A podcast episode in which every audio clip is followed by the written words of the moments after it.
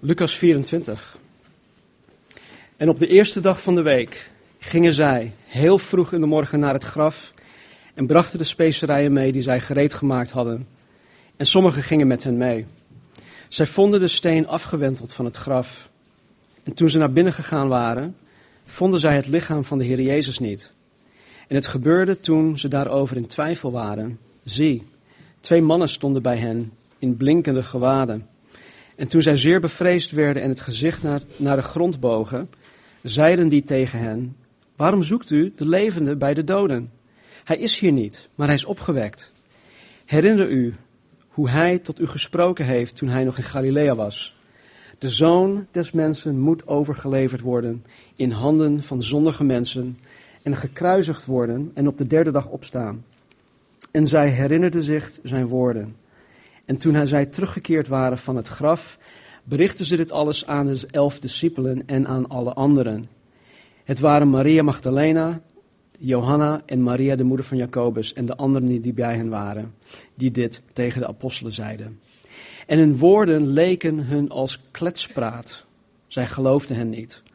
Maar Peter stond op en snelde naar het graf en toen hij zich vooroverboog, zag hij alleen de linnen doeken liggen. Hij ging weg en verwonderde zich over wat er gebeurd was. En zie, twee van hen gingen op diezelfde dag naar een dorp dat elf kilometer van Jeruzalem verwijderd was, waarvan de naam Emmaus was.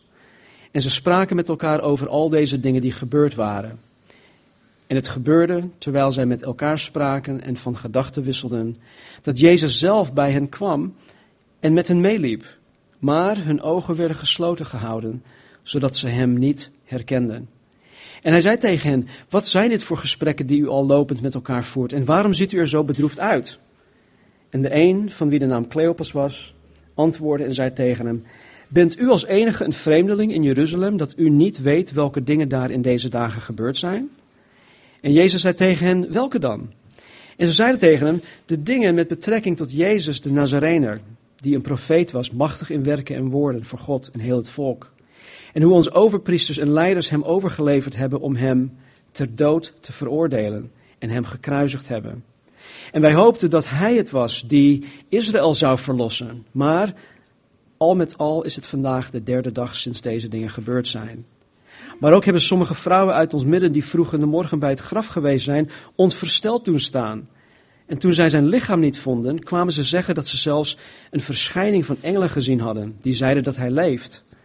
En sommige van hen die bij ons waren, gingen naar het graf en troffen het ook zo aan als de vrouwen gezegd hadden. Maar hem zagen ze niet. En Jezus zei tegen hen: O onverstandigen en tragen van hart, dat u niet gelooft al wat de profeten gesproken hebben.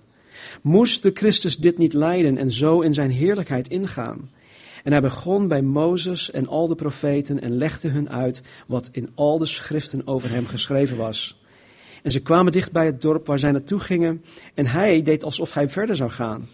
Ze drongen er bij hem op aan en zeiden, blijf bij ons, want het is tegen de avond en de dag is gedaald. En hij ging naar binnen om bij hen te blijven.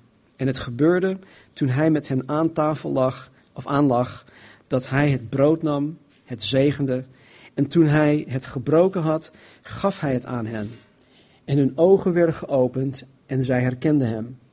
Maar hij verdween uit hun gezicht. En ze zeiden tegen elkaar: Was ons hart niet brandend in ons toen hij onderweg tot ons sprak en voor ons de schriften opende? En op datzelfde moment stonden zij op en keerden terug naar Jeruzalem en vonden de elf discipelen en hen die bij hen waren bijeen. Die zeiden: De Heere is werkelijk opgewekt en is aan Simon verschenen. En zij, dus de twee, vertelden wat er onderweg gebeurd was en hoe hij door hen herkend was bij het breken van het brood. En toen zij over deze dingen spraken, stond Jezus zelf in hun midden en zei tegen hen: Vrede zij u. En ze werden angstig en zeer bevreesd en dachten dat ze een geest zagen of een spook. En hij zei tegen hen: Waarom bent u in verwarring en waarom komen zulke overwegingen op in uw hart? Zie mijn handen en mijn voeten, want ik ben het zelf. Raak mij aan en zie, want een geest heeft geen vlees en beenderen zoals u ziet dat ik heb. En terwijl hij dit zei, liet hij hun de handen en de voeten zien. En toen zij het van blijdschap nog niet geloofden en zich verwonderden, zei hij tegen hen: Hebt u hier iets te eten? En ze gaven hem een stuk van een gebakken vis, Bert, vis, en van honingraat. En hij nam het aan en at het voor hun ogen op. En hij zei tegen hen: Dit zijn de woorden die ik tot u sprak toen ik nog bij u was: dat alles vervuld moest worden wat over mij geschreven staat in de wet van Mozes en in de profeten en in de psalmen. Toen opende hij hun verstand, zodat zij de schriften begrepen. En hij zei tegen hen: Zo staat er geschreven, en zo moest de Christus lijden en uit de doden opstaan op de derde dag. En in zijn naam moet onder alle volken bekering en vergeving van zonden gepredikt worden, te beginnen bij Jeruzalem. En u bent van deze dingen getuigen. En zie, ik zend de belofte van mijn vader op u. Maar blijft u in de stad Jeruzalem, totdat u met kracht uit de hoogte bekleed zult worden.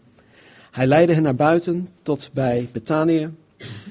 Hij hief zijn handen op en zegende hen. En het geschiedde, terwijl hij hen zegende, dat hij zich van hen verwijderde. En hij werd opgenomen in de hemel. En zij aanbaden hem, keerden terug naar Jeruzalem met grote blijdschap. Grote blijdschap. En ze waren voortdurend in de tempel, terwijl ze God loofden en dankten. Amen. Een heel mooi stuk. Ik weet niet of jullie het de afgelopen weken ook hebben gelezen. Ik heb me echt bezig gehouden met dit gedeelte, het gedeelte uit Matthäus, gedeelte uit Johannes, het gedeelte uit Marcus. Gewoon weer om tot me te nemen wat, wat God gedaan heeft na de kruisiging. Nou, vandaag vieren wij wat centraal staat in ons geloof. Wij vieren wat centraal staat eh, in, in onze hoop. De hoop die wij als christenen hebben. De opstanding van Jezus uit de dood. Jouw geloof, mijn geloof. Het gehele christendom valt of staat met het lege graf van Jezus Christus.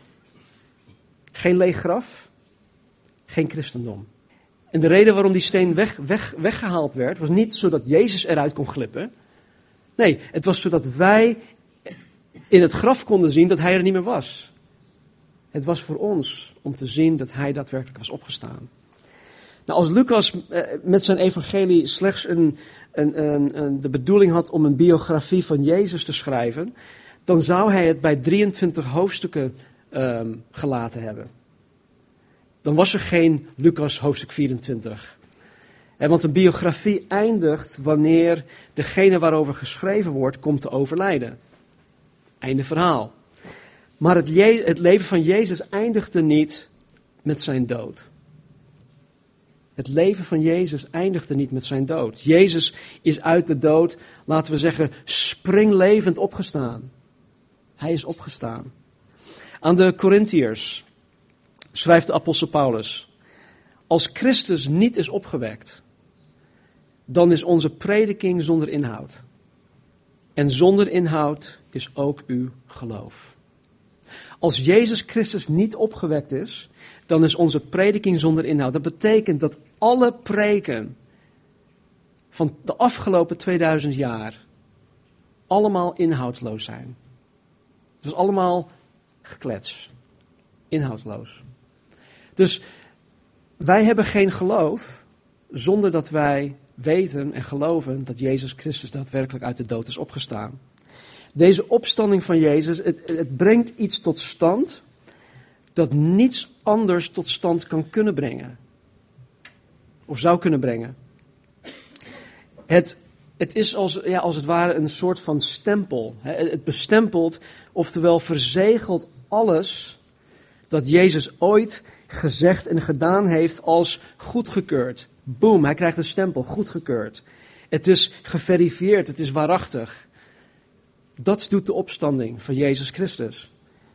Alles dat Jezus beweerde te zijn, dat hij de weg, de waarheid en het leven is, dat hij zelf God is, dat er geen andere weg mogelijk is om tot de hemel te komen dan door hem alleen, dat moet, dat moet geloofd worden en nagevolgd worden, omdat hij uit de dood is opgestaan. De opstanding van Jezus is, is het uitroepteken aan het einde van de blijde boodschap. Het evangelie is het goede nieuws, de blijde boodschap. En de opstanding is gewoon het uitroepteken daarvan. De opstanding bewijst dat Jezus daadwerkelijk de enige echte God is. Weet je, misschien, misschien zijn er sommigen onder, onder ons, ja, maar hoe kan jij, Sten, er zo zeker van zijn dat Jezus echt uit de dood is opgestaan? Hoe kan jij er nou zo zeker van zijn? want je was er 2000 jaar geleden niet zelf bij. Je bent geen ooggetuige. Je je hebt de opgestane Jezus nooit met eigen ogen gezien. Helemaal waar. Maar toch geloof ik met heel mijn hart, met heel mijn ziel, mijn verstand en met kracht dat Jezus tot nu toe de enige die ooit is opgestaan uit de dood in een verheerlijk lichaam. Hij is de enige. Nou geloof ik hierin omdat ik goed gelovig ben. Mensen die ik ken van mijn werk bijvoorbeeld, die, die, die denken van, joh, joh, ja, maar jij gelooft omdat je zo goed gelovig bent. Dat kennen ze me niet. Ik ben helemaal niet goed gelovig. Ik ben zo, zo kritisch en zo naïef, of niet naïef, maar zo, zo hoe zeg ik, um, sceptisch als, uh, als, als alle andere mensen. Dus ik ben niet goed gelovig. Ik ben ook niet naïef.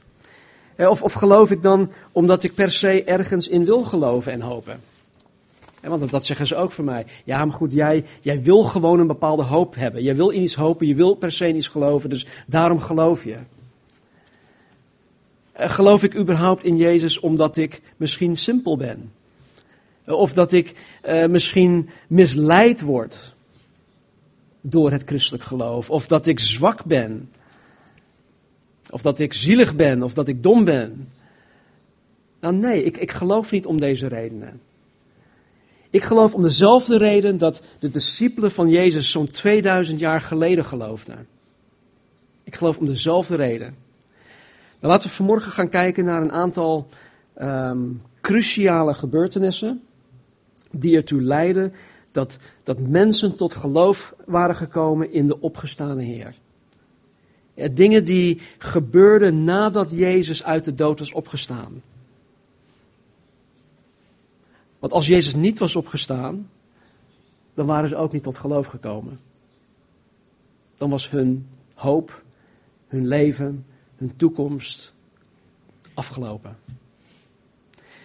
Dan laten we eerst gaan kijken naar de reacties van de discipelen toen zij van ooggetuigen te horen kregen dat zij de opgestaande Jezus gezien hadden.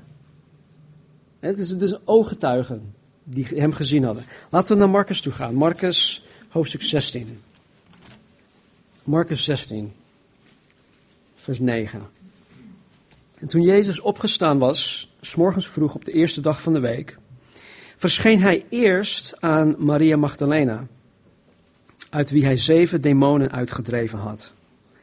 Die ging heen en berichtte het aan hen die bij hem geweest waren. Die treurden en huilden. En toen die hoorden dat hij leefde en door haar gezien was, geloofden zij het niet.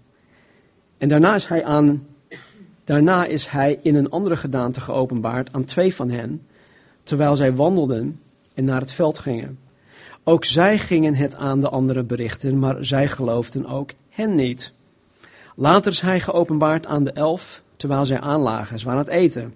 En hij verweet hun hun ongeloof en hardheid van hart, omdat zij hen niet geloofd hadden die hem gezien hadden nadat hij opgewekt was. Maria Magdalena, waaruit Jezus zeven demonen had uitgedreven.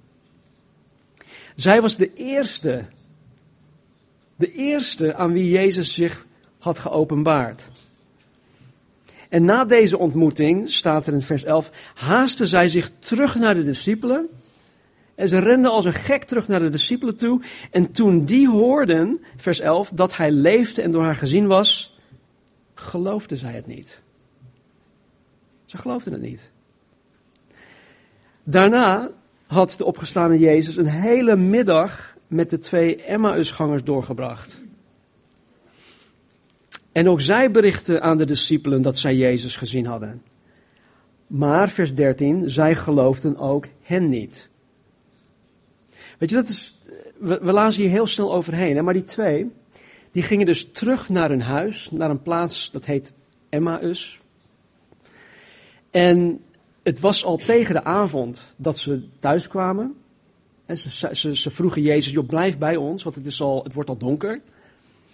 En op, op het moment dat zij Jezus herkenden, op het moment dat zij, dat zij wisten, hé, hey, wij hebben de opgestane Heer gezien, stonden ze meteen op en gingen weer terug, elf kilometer, naar Jeruzalem toe om het die anderen te berichten.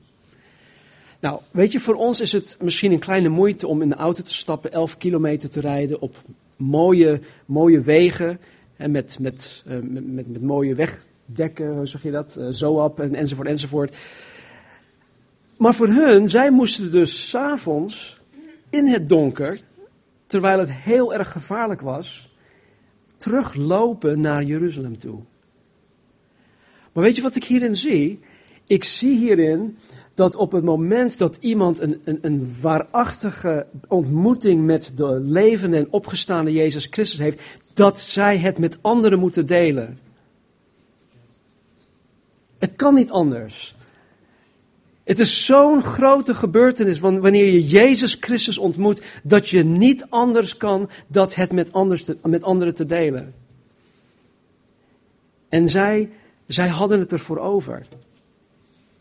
Zij maakten die reis terug, 11 kilometer, in het donker. En dan heb ik het niet over het donker met straatverlichting. Nee, het was daar zo donker dat je je, je eigen hand niet eens voor je, voor je gezicht kon zien. Dus de eerste reactie van deze discipelen was dat zij er niets van geloofden. Hoe vaak komen wij mensen dan ook niet tegen? Wij zijn ook getuigen van Jezus. Wij vertellen dat Jezus leeft. Wij vertellen dat Jezus voor hun gestorven is. Wij vertellen dat Hij van hun houdt. Wij vertellen dat Hij opgestaan is. En in ja, 99,9% van de tijd geloven mensen ons niet. En dat was hun eerste reactie ook. En dit ondanks dat deze discipelen zo'n drie jaar lang dag in en dag uit met Jezus optrokken. Ze hadden met eigen ogen gezien dat Jezus mensen had genezen van ongeneeslijke ziektes.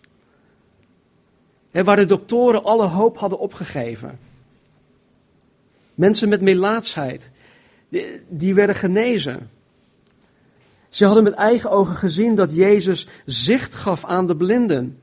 Dat hij verlamden en, en, en kreupelen weer deed lopen. Ze hadden zelfs gezien dat Jezus mensen uit de dood deed opstaan. Ze hebben gezien dat zelfs de wind en de zee Jezus gehoorzaamden. Dat hij zelf ook op het water liep. Weet je, het, het, staat, niet, het staat er niet zoveel veel keren in, maar ik geloof zelf dat, dat in die drie jaar tijd Jezus hun wel honderd keer minstens gezegd heeft dat hij uh, vervolgd zou worden, dat hij tot de doodstraf veroordeeld en geëxecuteerd zou gaan worden. En dat hij vervolgens na drie dagen weer uit de dood, uit de dood zou opstaan. Maar toch geloofden zij het niet. Zij geloofden niet dat hij echt uit de dood was opgestaan. Nou, na de omstandigheden waarin zij verkeerden, zou ik, of zouden wij denk ik, veel begrip voor hun ongeloof kunnen hebben. En we zouden medelijden met hen kunnen hebben. En we zouden allerlei redenen kunnen bedenken waarom zij niet geloofden. Om, om eerlijk te zijn, als ik een van hen was geweest, zou ik ook niet geloofd hebben. Deze discipelen hadden Jezus met eigen ogen zien sterven. En voordat hij aan het kruis gehangen werd, werd Jezus dusdanig gemarteld dat hij niet te herkennen was. Zo kapot hebben ze hem geslagen. Ze hebben zijn baard uit zijn, uit zijn, uit zijn gezicht gerukt. Ze waren hier ooggetuigen van. Dus ja, naar omstandigheden kan ik me voorstellen dat zij alle hoop al alle geloof en vertrouwen in Jezus opgegeven hadden toen zij hem daar zagen sterven. Maar weet je, Jezus, hij, hij prikt door alles heen en hij komt meteen tot de kern van hun ongeloof. Hij prikt door alles heen. In vers 14 staat er, later is Jezus geopenbaard aan de elf en terwijl zij aanlagen, waren aan het eten, hij verweet hun hun ongeloof en hardheid van hart. Hij verweet hun hun ongeloof en hardheid van hart, omdat zij hen niet geloofd hadden die hem gezien hadden nadat hij opgewekt was. Hun probleem was niet wat zij allemaal hadden waargenomen. Hun probleem was niet een rekensommetje van nou 1 plus 1 is 2. Jezus is gestorven, dus einde verhaal. Dat was hun probleem niet. Hun probleem was dat zij hun harten verhard hadden jegens God. En weet je, dat is vandaag de dag bij elk persoon het probleem.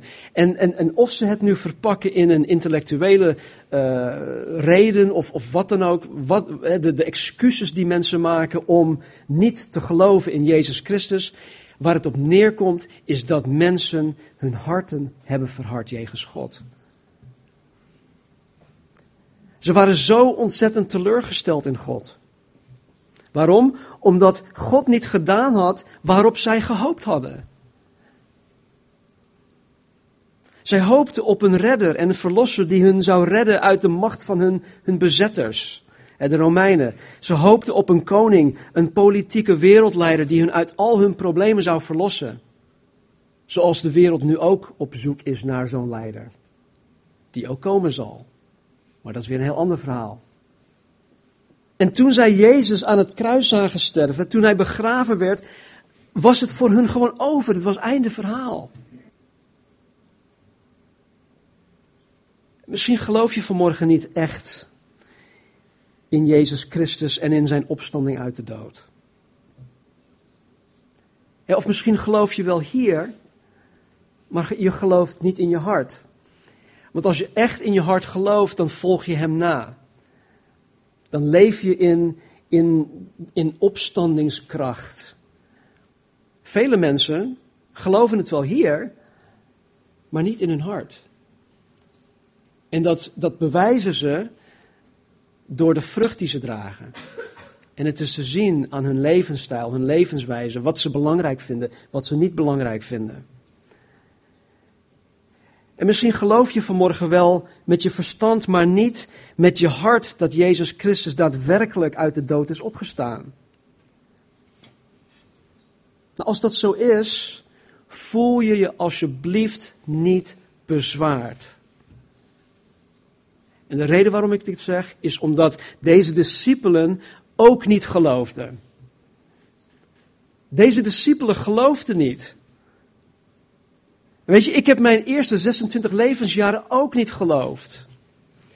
Ik had ooit wel het, de gedachte, of ja, nou ja, Jezus, nou, ja, dat klopt allemaal wel. Ik geloof wel in een, in een historische Jezus. Maar pas op mijn 26e levensjaar, was 26 jaar, twee maanden, toen werd ik opnieuw geboren. Toen begon ik Jezus Christus met heel mijn hart na te volgen. Misschien heb je heel veel in je leven meegemaakt dat je, dat je niet kan voorstellen dat een God van liefde alle dingen die je meegemaakt hebt zomaar in je leven zou toelaten. Misschien heb je daar nog moeite mee. Van hoe kan een, een liefdevolle God al deze dingen toelaten in mijn leven? Misschien is jou zoveel onrecht aangedaan. Misschien heb je zelfs ooit geprobeerd om Jezus een kans te geven. Of misschien wel eens meerdere kansen te geven. Misschien heb je zelfs tot hem gebeden en dat je hem hebt gesmeekt om je te helpen uh, je problemen op te lossen. Maar dat hij niet deed wat je aan hem vroeg. Misschien had je hele andere verwachtingen van Jezus. En toen hij niet aan je verwachtingen voldeed, had je het opgegeven. En misschien ben je vandaag gewoon klaar met Jezus. Ik heb het helemaal gehad. Ik hou Jezus nu voor gezien. Dat kan. Maar als je ondanks je nare gevoelens de nare gevoelens die je hierover koestert, toch nog steeds ergens heel diep in je hart verborgen het verlangen hebt om in Jezus te willen geloven. Als je een, ja, gewoon het verlangen nog hebt ergens om in Hem te willen geloven, Hem te kennen, te navolgen, weet je, dan heb ik goed nieuws. Want zoals we in, in, in de opstandingsverhalen lezen, heeft Jezus hun zoveel kansen gegeven. In het Engels zeggen we, Jesus is the God of second chances. Well, he's the God of hundred chances. Hij, hij, hij blijft ons gelegenheden geven om tot bekering te komen, om tot Hem te komen, om vanuit een, een, een, een lauwe staat als christen zijnde tot een, een, een hete staat. Hè, dat, dat Hij ons hart in brand uh, doet staan voor Hem. Dat Hij het, de, de vlammen in onze hart voor Hem uh, opwakkert. Nou, laten we kijken naar hoe Jezus met degene omgaat die net als jou heel diep in hun hart het verlangen hebben om, om in Jezus te willen geloven. Na zijn opstanding was Jezus niet direct te herkennen door de eerste die hem zagen. Hij was niet te herkennen. In Lucas 24, 16 lezen we dat de, twee, dat de twee discipelen die op weg naar Emmaus waren, Jezus totaal niet herkenden omdat Jezus hun daarvoor verblind had. Jezus had hun ogen gesloten, zodat ze hem niet herkenden. In Johannes 20 lezen we dat Maria Magdalena Jezus ook niet herkende. Hij stond achter haar. Ze draaide zich om. Ze dacht dat het de tuinman was. Ze herkende Jezus niet. Nou, er is een goede, goede reden waarom zij hem niet, hem niet herkenden, maar daar ga ik vandaag verder niet op in. Waar ik wel op, op wil ingaan is, is dat Jezus uiteindelijk hun ogen geopend had. Jezus heeft hun ogen geopend. In Lucas 24, 30 en 31 staat dit. En het gebeurde toen hij, Jezus, met hen aan tafel aanlag. Dat zijn de twee die naar Emmaus gingen. Dat Jezus het brood nam en het zegende. En toen hij het gebroken had, gaf hij het aan hen. En hun ogen werden geopend en zij herkenden hem. Maar hij verdween uit hun gezicht. In Johannes 20, vers 16. Je hebt Maria Magdalena. Die staat daar, perplex, te huilen. Jezus staat achter haar. Ze denkt dat het de tuinman is. Maar opeens zegt Jezus tegen haar: Maria. En ze keerde zich om, zei tegen hem: Rabboni, dat betekent meester. Op het moment dat hij haar naam riep, werd haar ogen geopend. Ze herkende hem. In beide gevallen waren hun ogen eerst gesloten voor wie Jezus is. En in beide gevallen had Jezus hun ogen geopend, zodat ze hem als Jezus konden herkennen. Als je ogen vanmorgen nog gesloten zijn voor wie Jezus is, en dan bedoel ik niet van, weet je, ik, ik snap wel wie Jezus is. Maar als je ogen vanmorgen gesloten zijn voor wie Jezus daadwerkelijk is, dan wil Jezus je ogen vanmorgen openen. Hij moet je ogen openen. Het kan niet anders. Je kan hem niet zien zonder dat hij je ogen eerst opent. En Jezus had niet alleen hun ogen geopend, hij had ook de schriften het woord van God voor hun geopend. Hij had hun verstand geopend. Even verderop in Lucas 24, 32. Dezezelfde twee, twee mensen. Ze zeiden tegen elkaar: Was ons hart niet brandend in ons toen hij onderweg tot ons sprak, tot ons sprak en voor ons de schriften opende? Jezus onderwees deze twee discipelen en hielp hen om te kunnen begrijpen wat er in de Bijbel over Jezus geschreven staat. Hij opende hun ogen. Hij opende de schrift. Even verder. in Lucas 24, 44 en 45. En hij, Jezus, zei tegen de elf, dit zijn de woorden die ik tot u sprak toen ik nog bij u was. Dat alles vervuld moest worden wat over mij geschreven staat in de wet van Mozes, in de profeten en in de psalmen. Toen opende hij hun verstand, zodat zij de schriften begrepen. Tenzij God ons verstand openen, of opent, zullen wij heel plat gezegd er geen bal van snappen wat in de Bijbel geschreven staat.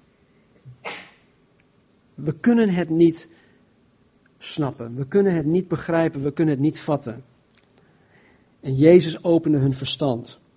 Nogmaals, dit zijn, dit zijn mensen die meer dan drie jaar lang met Jezus elke dag, dag in en dag uit met hem optrokken. En toch konden zij het niet verstaan, begrijpen. Weet je, nu Jezus opgevaren is in de hemel, want hij, hij is niet meer lichamelijk bij ons, hij, hij zit nu aan de rechterhand van de Vader. Maar nu Jezus opgevaren is naar de hemel, hebben wij de Heilige Geest gekregen. Wij hebben nu de geest van Jezus Christus in ons en onder ons om ons Gods woord te onderwijzen. In Johannes 14, 26 zegt Jezus over de, de komende, of de, de, de Heilige Geest die komen zal. Hij zegt, maar de trooster, de Heilige Geest, die de Vader zal zenden in mijn naam, die zal u in alles onderwijzen en u in herinnering brengen alles wat ik u gezegd heb.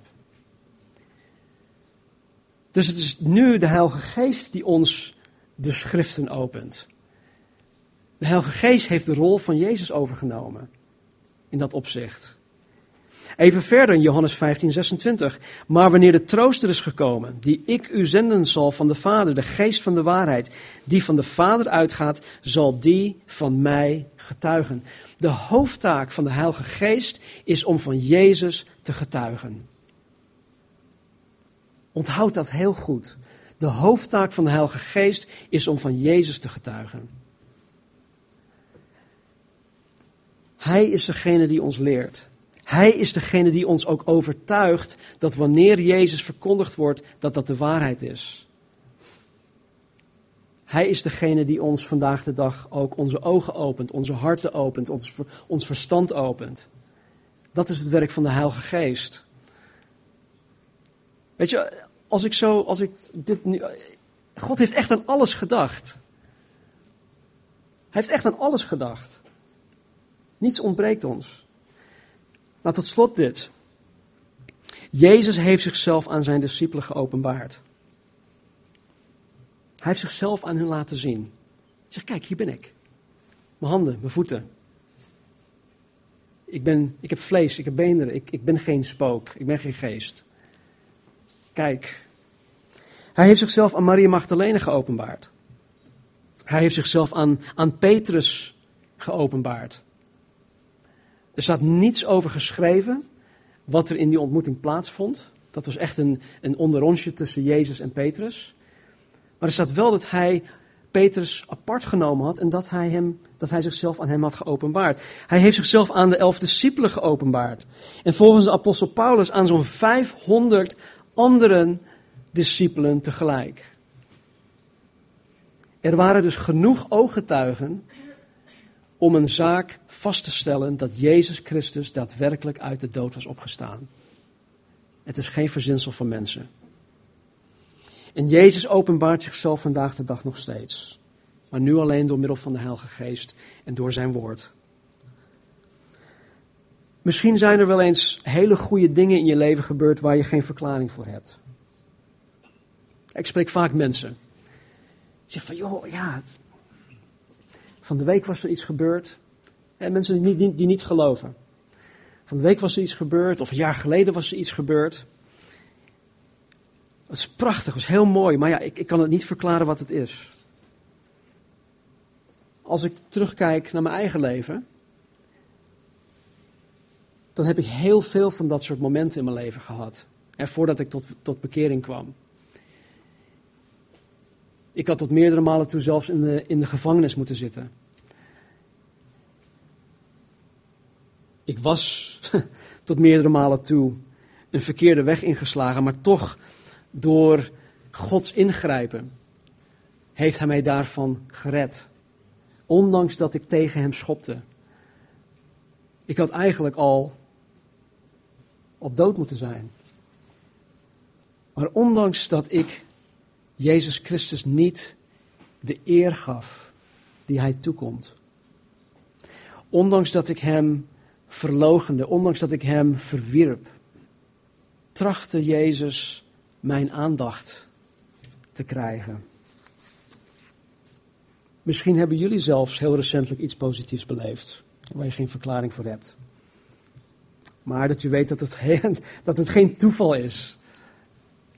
En dat je zelf zoiets van, ja, het, kan geen toeval zijn. Maar weet je, ik geloof dat Jezus daarachter zit. Dat Jezus zichzelf aan jou openbaart, dat Hij jouw aandacht hiermee tracht te krijgen, opdat je in Hem gaat geloven. Hij is werkelijk opgestaan. Hij is opgestaan uit de dood. Hij heeft zichzelf aan mij geopenbaard. Aan jullie. Hij heeft mijn ogen geopend. Hij heeft mijn verstand en mijn hart geopend. Ik ken hem persoonlijk. Hij is opgestaan. Ik sprak er net nog met hem. Ik sprak vanmorgen nog met hem, ook over jullie. Hij sprak ook over jullie. Nee, maar hij leeft. Mensen, hij leeft. Ik mag hem dienen. Ik, ik mag van hem houden. In Jezus heb ik een heel nieuw leven gekregen. Ik heb de hoop op het eeuwige leven gekregen. Ik ken Steve Jobs totaal niet, behalve dat ik zijn producten leuk vind.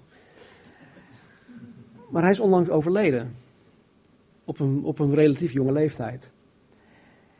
En er stond ergens geschreven dat zijn zus die bij hem was, toen hij overleed, zijn laatste woorden waren: Oh wow, oh wow, oh wow. Nou, je kan niet uit het geschreven woord zien hoe hij dat zei. Maar ik geloof niet dat hij een navolger van Jezus was. Maar hij kreeg wel inzicht tot iets wat na het leven kwam. Ik geloof niet dat hij de hoop had die ik heb. Ik heb een heel nieuw leven gekregen in Jezus. Ik, ik heb hoop. In Jezus heb ik ontelbare zegeningen gekregen. En mocht ik nog 10, 20 of 30 jaar leven, mocht Hij nog niet terugkomen voor mij, dan zal ik nog miljarden zegeningen van Hem krijgen. Dit heb ik van Wayne Taylor. Hij had het uh, gisteren volgens mij op, op Facebook gepost. Ik heb het vertaald. Zonder Jezus' opstanding uit de dood is de dood een hopeloos uiteinde. Ja, zonder Jezus' opstanding uit de dood is de dood een hopeloos uiteinde. Door Jezus' opstanding uit de dood is de dood ons uiteindelijke hoop. Mensen, wat een hoop hebben wij. Wij hebben echte hoop. Niet van, oh, nou, ik ga even duimen, ik hoop maar dat het alles goed gaat. Dat staat nergens op. Mensen, wij hebben echte hoop. Echte hoop. En wij, wij kunnen deze echte hoop met anderen delen. Nou, mocht je deze Jezus Christus vanmorgen nog niet persoonlijk kennen, mocht je Hem hier alleen kennen, mocht je je hart nog nooit aan Hem gegeven hebben als de opgestane Heer, mocht je zoals de discipelen niet geloven, en misschien is je hart verhard jegens God. Maar als je vanmorgen wil geloven met je hart, dan is nu jouw moment.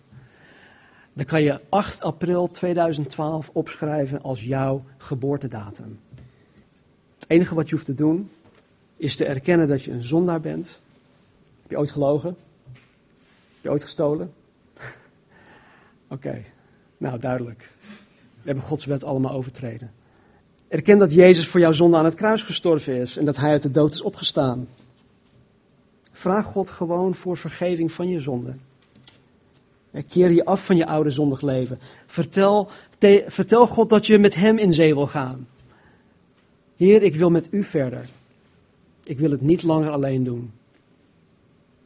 En als je dit in alle oprechtheid doet, dan zal God je ogen openen, je verstand openen, je hart openen Hij zal zichzelf aan jou persoonlijk openbaren en hij zal jou de Heilige Geest geven om jou te bekrachtigen om een christen te kunnen zijn. En want laten we eerlijk zijn, mensen. Hoeveel, en hoe, hoeveel van ons en hoe vaak trachten wij geen christen te zijn in ons eigen kracht?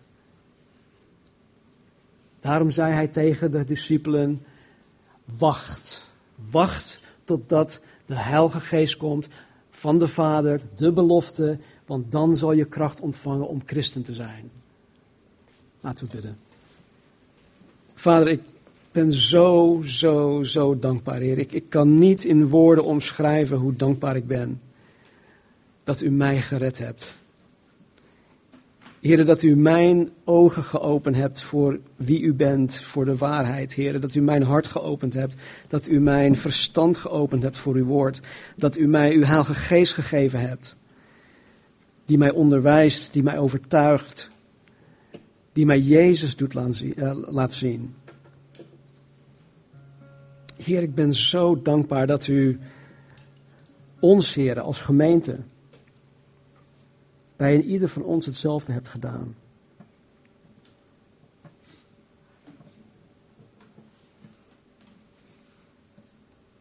En heren, voor degenen die wel in u geloven met hun verstand, maar niet in het diepst van hun hart. Heilige Geest, overtuig hen vanmorgen. Open hun ogen, open hun verstand, open hun harten. En Heer, laat hen alstublieft. Heer, laat hen alstublieft de opgestane Heren zien.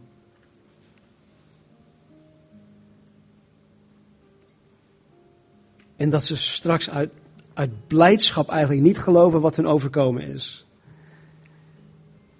Want Heer, het is een blijde boodschap. Dat we U, de schepper van hemel en aarde, mogen kennen. Dat we een liefdesrelatie met U mogen aangaan. Oh Heer, wat een voorrecht. En Heer, zoals ik aan het begin ook bad, Heer, het zou zo zonde zijn als mensen U niet navolgen. U heeft zoveel gedaan en U heeft zoveel meer te doen in ons, Heer, als mensen.